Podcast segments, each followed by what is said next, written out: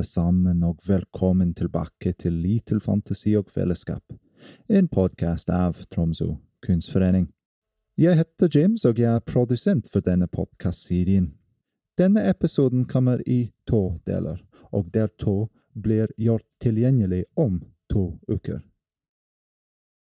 Dere akkurat hørte Wagner spilt av dagens hovedperson, billedkunstner Hans Ragnar Mathiesen. Pianoet han spilte på, er fine i hans soloutstilling CSV Terra Cognita hos Tromsø kunstforening, og ofte er Hans Ragnar selv å finne bak pianoet i utstillingens åpningstider. Hans Ragnar Mathiesen går også under navnene Ella Hansa og Keveselia, og er en av Tromsøs viktigste nålevende kunstnere. Han bor i Tromsdalen og har vært en aktiv del av kunstlivet i 50 år. Fra kartene som samlet samme stedsnavn for første gang, til arbeider beset på samiske trommer, Hans Ragnar har, gjennom hele sin karriere, vært en viktig stemme for den samiske ørbefolkningen. Hans Ragnar har en enorm kunstproduksjon bak seg, og hele samlingen som består av 10 000-15 000 kunstverk, bøker og arkivmateriale, har han donert til Aran, Lulesamesenter på Drag i Tysfjord kommune. Aren har også produsert og kuratert den aktuelle utstillingen i samarbeid med Tromsø kunstforening. Under utstillingsåpningen ble Hans Ragnar tildelt John Savio-prisen, en pris som deles ut en gang hvert andre år til en kunstner som har gjort en spesielt viktig innsats for kunst med råd i samisk kultur.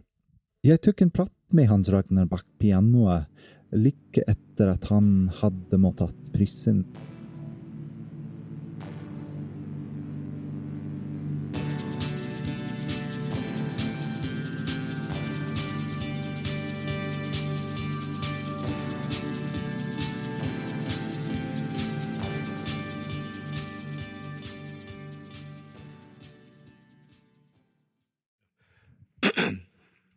Hei, jeg heter Hans Ragnar Mathisen på norsk, men jeg er jo same, så har jeg også samisk navn, Elle Hansa. Jeg kan også en variant er da Mette Hansa, fordi Mattis Aslaksen Beldobohmi var en av mine forfedre, og han var det man kaller for en noidi, så jeg er da av noidi-slekt. Jeg kunne også hett, istedenfor Mathisen, så kunne jeg tatt slektsnavnet Beldovopmi. Beldovopmi er et stedsnavn og et, en, et område i Sápmi, på finsk side av Sápmi. Ikke langt ifra Enodat, eller Hetta, eller Eno, Enontekiö på finsk side. Jeg kommer fra en liten plass i Tanafjorden, nærmere bestemt i Vester-Tana, som heter Servegjeddi. Og det er et veldig fint navn, fordi det betyr felles jord. Og navnet i seg sjøl signaliserer noe veldig essensielt samisk. Det at du, du kan ikke eie noe på jorda, når, av jorda, du bare forvalter den. Og du forvalter den sammen med andre. Fordi den samiske måten å bruke land på, det kalles for sidasystem der en eller flere familier, beslektede familier, går sammen om å forvalte et landområde som de da eh, har disponert fra gamle, veldig gamle dager. Og eh, landet ble brukt på en måte at eh, man brukte ressursene uten å ødelegge de, uten å overforbruk. Eh, man brukte eh, Innlandet og sommeren.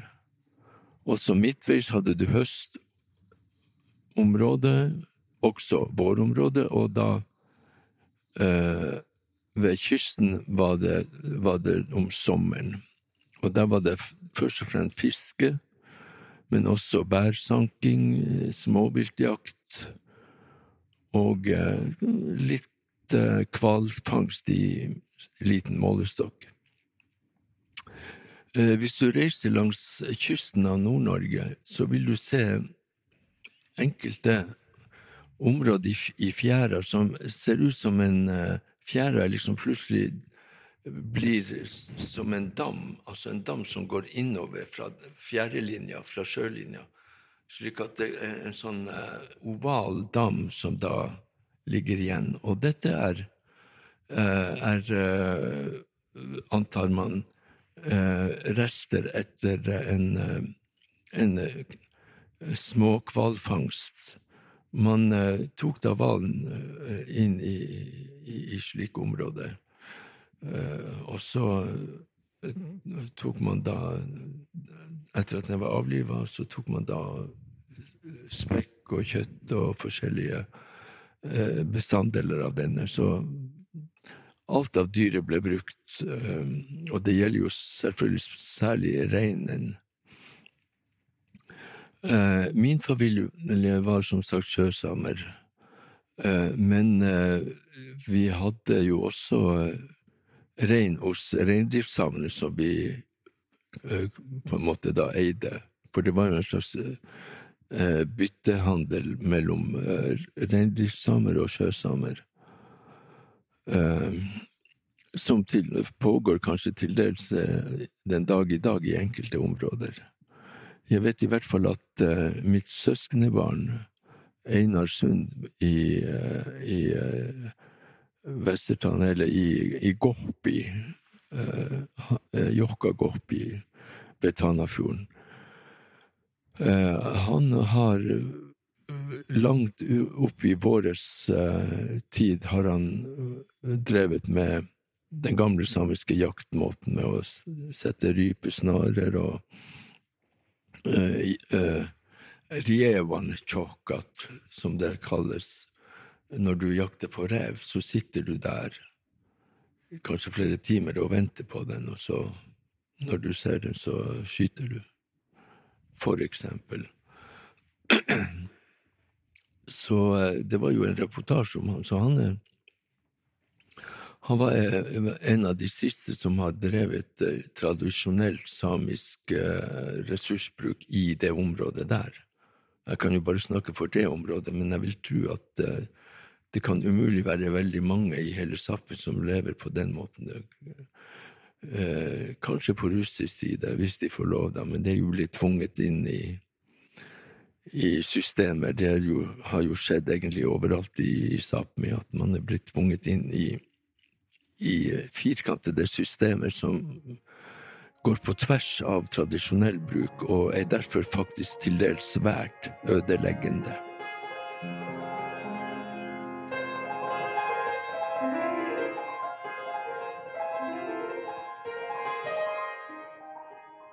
Som sagt, jeg kom fra en sjøsamisk bygd, og, og eh, folk da før vi ble invadert, okkupert, så å si.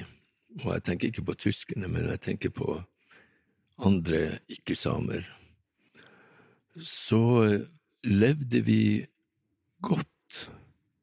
Vi hadde rikelig med fisk når det var tider til det. Vi hadde rikelig med, med jaktbytte. Salasj, det betyr jaktbytte. Og eh, det var rikelig med, med ressurser. Men det var viktig å ikke bruke ressurs, øh, gjøre de tomme. Så bestandig når, når man gikk på multebærplukking, så plukka man ikke renska det, det ikke alt vekk, lot det no, stå noe igjen. Og eh, det går jo også et sagn om at eh, hvis du ikke forvalter ressursene på en, eh, en eh, riktig måte, så vil, vil eh, du bli straffa en fortelling sier at det var noen som var ute og fiska. Og det var i et sjøsamisk område, så da samene pleide å fiske der, men det var noen som ikke var samer, så de fiska og fiska og fiska mye mer enn de trengte. Til slutt så så de at det kom opp noe opp av vannet som var kjempesvært, og det var matto. Altså opphavet til fisken i, si, i personlig form. Det var altså en kjempestor versjon av en fisk som kom opp, og, og de omkom der, da, fordi de bølgene som, som uh, gjorde etter det, det, de blir i hvert fall forferdelig uh, uh, forfært. Så den, den fortellingen, det har han Magnar Mikkelsen eh, fortalt i en, en, eller annen tekst som jeg har sett. Og det syns jeg sier veldig mye om hvor viktig det er å ikke bruke mer enn du trenger. Etter hvert som eh, samene begynte å bli skattelagt for å bo i sitt hjemland og leve av de ressursene som var der, en helt absurd tanke. Eh, og det var da de ble skattlagt av et herrefolk som påsto at nå var det de som eide landet, nå var det de som hadde retten. Dermed måtte samene betale skatt, så samene har vært skattlagt veldig hardt under eh, etableringen av de eh, eh, statsdannelsene i, i de nordlige landsdelene. Og sikkert lenger sør også. Det har jo bodd samer helt til Lindesnes. Det kan bevises. Så eh, samenes taktikk har vært å trekke seg unna lenger og lenger vekk ifra de som eh, gjerne har våpen mot disse som ikke vil føye seg. Og det er mulig at eh, begrepet stallo eh, kommer av at eh, samene møtte folk i rustning, altså metallklær. At det ordet kommer av det. For, og, og de skandinavene var jo for det første mye større enn en samene slik at de ble sett på som kjemper, og som onde kjemper, eller onde Ja, rett og slett. Og likeledes, det gikk jo andre veien også. Eh, nordmennene, nordmenn og eh, andre, de har jo karikert samene, slik at jeg vil påstå at ordet troll og når man lager troll med lange neser og forferdelig ser ut veldig, så er det en karikering av samene som, eh, som det har skjedd. Jeg kan belegge det fordi overalt hvor du finner samiske offersteder og hellige plasser, så har man på norsk kalt det for trollvann, trolltind osv. Altså en, en parallell til ordet for noaiti eller, eller bassi eller forskjellige sånne ting. Så eh, det er da min påstand. Jeg kan ikke eh, bevise den, men det er mitt sterke inntrykk, og jeg er helt overbevist om at det stemmer. Jeg har aldri hørt om Tirion, at du forklarte der. Ja, du har det. Jeg har aldri hørt om, om det. Ja. ja. Veldig, ja. Veldig, eh, jeg føler meg veldig nysgjerrig om det. Mm. Jeg spurte Hans Ragnar om kartene av Sápmi han begynte til å skape i 70-tallet, en veldig viktig del av hans kunstnerskap. Før jeg gjør det, før jeg snakker om kartene, så vil jeg si bare litt mer om i forhold til naturen, fordi da, på grunn av at, eh, at vi blir så hardt pressa med, med, skatt og, og, undertrykking, for vi ble virkelig undertrykt som folk, og eh, det var så ble vi eh, Så alt vi fisket, nærmest, måtte vi gi tilbake som skatt. Så vi fikk mindre å leve av. Og dermed ble folk eh, eh, mer mottagelig for sykdom. Altså immunforsvaret ble svekka. Og i vårt område var det mange som fikk tuberkulose. Det finnes jo millioner som er blitt smitta av tuberkulose, og uten at eh, de blir noe syke av det. Men har du et svekka immunforsvar, så vil du bukke under på grunn av det. Så alle mennene i min familie, alle mine tre onkler og bestefar, fikk tubb og døde av det. Jeg fikk det også, men uh, jeg ble gudskjelov eh, redda av det. Jeg ble jo sendt til hospital, først i Tana, så i Vadsø og til slutt her i Tromsø. Så jeg vokste opp her i Tromsø. på eh, Jeg lå da um, syv år her i Tromsø på Kysthospitalet. Slik at mitt Jeg mista jo dermed kontakten både med mitt folk, mitt språk og mitt landskap, mitt hjemland.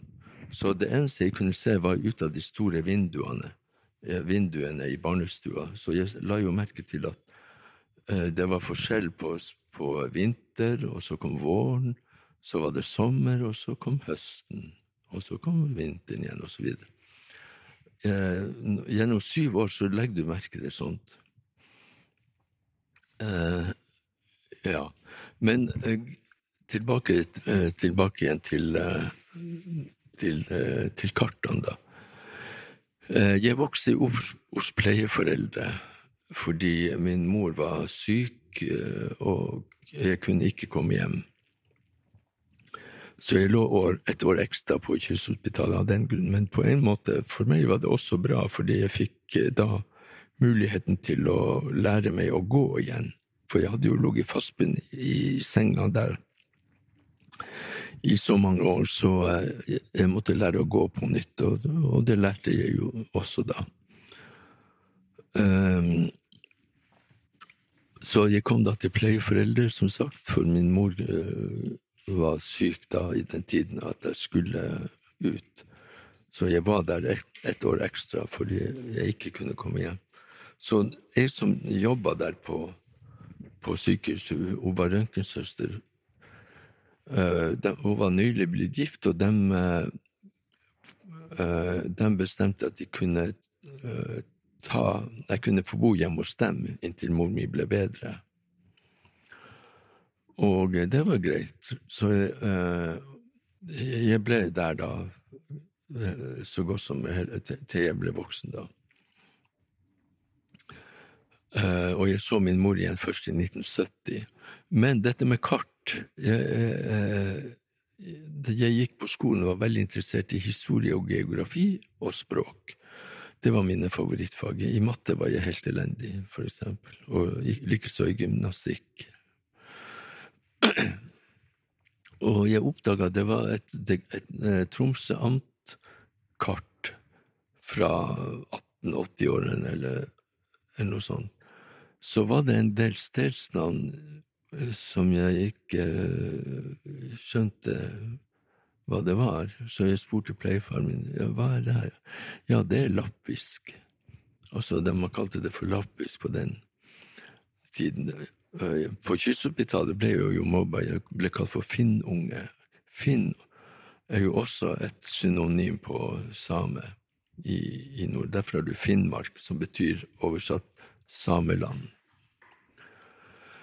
Uh, så uh, jeg så dette her med, om, med, med kart, så jeg ble interessert i det.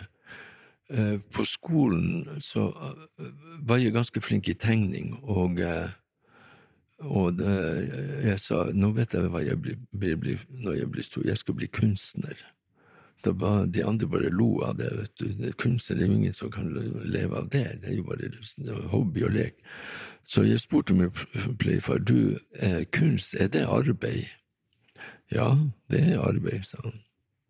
Og det var veldig bra at han sa det. Så eh, jeg valgte da å bli kunstner, og jeg begynte da også å være interessert i kart. Og også samiske stedsnavn. Omtrent, ja, på den tida der. Så det første kartet jeg laga, det var i 1974. Da var det jo en god del forskere, lapologer som de ble kalt, men eh, de ut, hadde gitt ut bøker, og det var gitt ut bøker i lang tid allerede.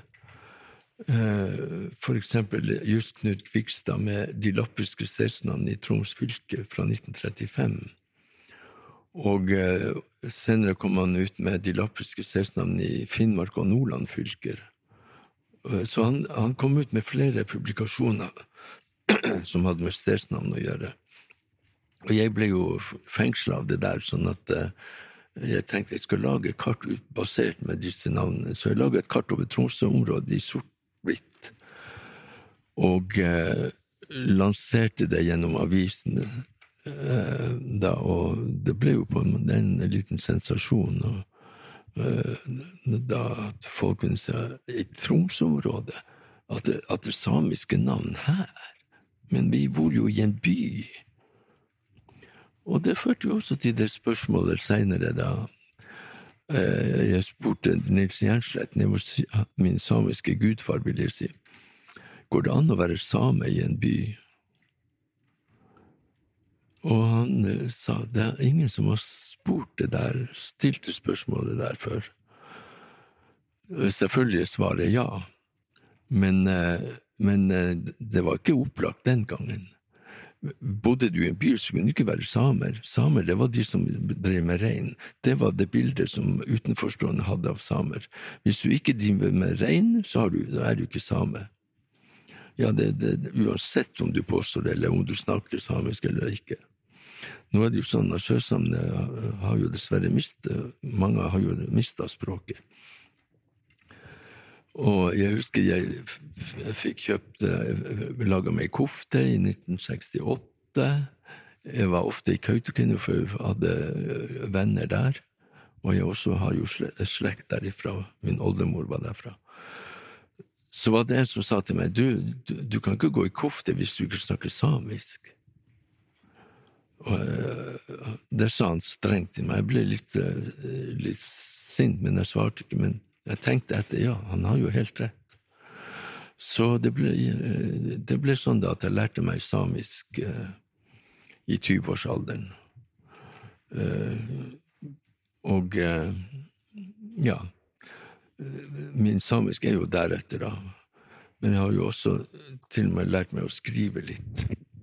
Og jeg snakker nå samisk bedre enn jeg snakker kinesisk eller skriver kinesisk. For det gjør jeg også kanskje det er en fantastisk tidspunkt eh, for deg til å snakke om eh, eh litt om RN eh, Lulesamisk senter og eh, samarbeidet som du er en del av med Aran. Fordi jeg er nigeri, og hvorfor gir du eh, din kunst til Aran? Ja, eh, det er en ganske triviell årsak til det, fordi at da jeg begynte min utdanning, så likte jeg å lage malerier og akvareller. Men jeg ble så sterkt knytta til disse at jeg ville ikke selge de. Jeg ville beholde de sjøl. Men eh, tenkte jeg, men hvordan kan man leve av kunstner hvis man ikke selger? Så eh, jeg fant en utvei. Jo, med grafikk så kan du leve, og du kan også beholde. Så derfor eh, begynte jeg med grafikk, og jeg gikk på eh, Jeg lærte meg litografi på Kunst- og håndverksskolen, og så senere lærte jeg meg tresnitt. Jeg husker første gang jeg så noen som laga tresnitt, det var Marit Bukkeli som nettopp var innom her. Og jeg spurte hvordan gjøres og sånn. Ja, hun viste meg ja, du må skjære ut disse her blokkene, og så må du, hvis du skal ha flere farger, må du skjære mange blokker, og så må du farge dem inn, og, og så videre, og valse, og så tykke, bla, bla. Ja, så jeg tenkte, i alle dager, det, det er jo bare teknikk, det der. Nei, nei, det der skal ikke jeg drive med. Men det ble likevel det jeg, jeg ble å jobbe mest med. Det var tresnitt. Så uh, uh, Jeg har vel laga borti 800 forskjellige tresnitt. Men som sagt, jeg har jo også laga tredimensjonale arbeider. Uh, som ikke er så godt kjent, kanskje. men tresnitt og tegning og akvarell er det som jeg gjør mest nå. Ja, forresten, har jeg slutta med. Eh, nå er jeg jo pensjonist og har litt vondt i håndleddene mine, så jeg kan ikke drive med det. Så jeg, jeg maler og tegner. Ja.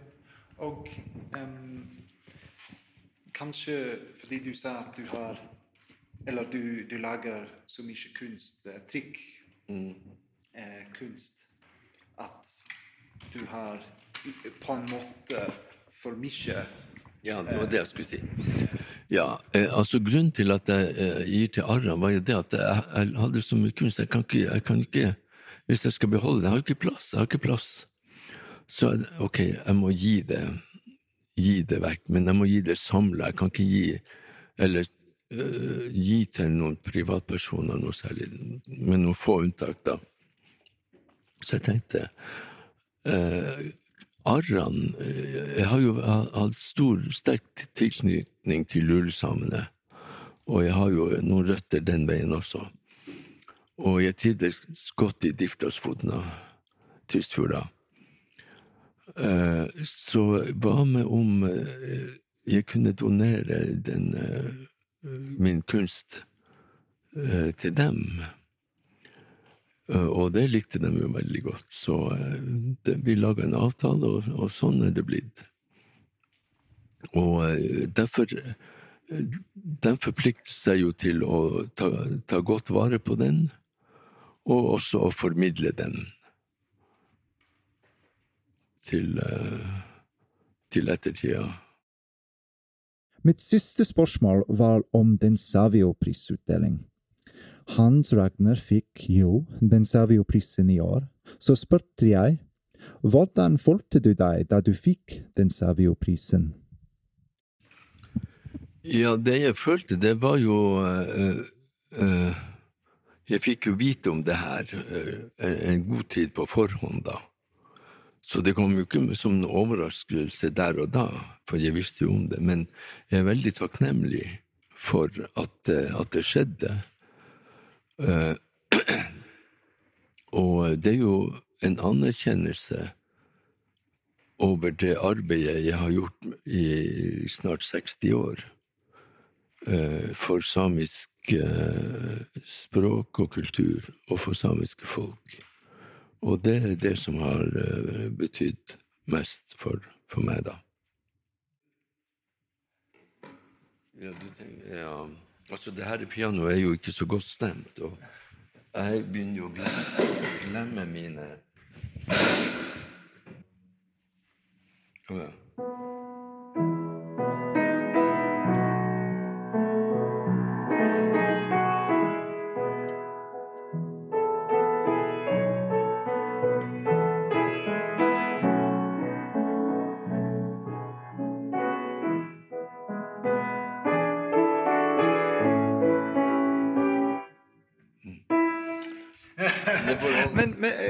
Hvorfor er musikk viktig til deg, Hans Ragnar? Du sa at du begynte uh, til å spille musikk kanskje du, da du var tolv år gammel? Ja, kanskje? ja nei, musikk er veldig viktig. Uh, mor mi fortalte en av uh, en av onklene mine var veldig flink å synge. Og det har jeg jo arva. Jeg har jo vært med i kor og forskjellig, og jeg har jo joika offentlig for flere hundre personer i Canada. Eh, så eh, Ja, ja, jeg var litt overraska over at jeg klarte å joike det på, den, på lørdagen. jeg tror det var mange som var overraska der. Ja. uh, fantastisk. Ok. Du sa at vi um, At du spilte Mahler den Ja. første gangen. Ikke den aller første. Ja, Ja, jeg spilte en melodi om Mahler. ja, ja. ja. Jeg vet ingenting om, om klassisk uh, musikk. Uh, actually, ne, ikke, ikke faktisk. Uh, når vi hadde fuglene dine Ja. hjemme hos meg, Ja. jeg, jeg, jeg lyttet til Wagner hele Ja. dagen. ja.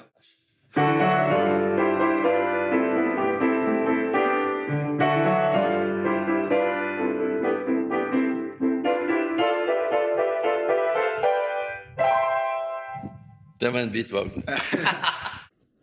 Og nå kommer vi til slutten av del én. Vi skal høre igjen fra Hans Ragnar Mathisen i neste episode, og høre også fra Leif Magne Tangen og Gry Fors Spein. De to kuraterte den utstillinga Terra Cognito. Takk til Fritt År for støtte til å lage podkasten. Kjenningsmelodien er av André Ingerås. Ansvarlig redaktør er Leif Magne Tangen. Vi høres om to uker.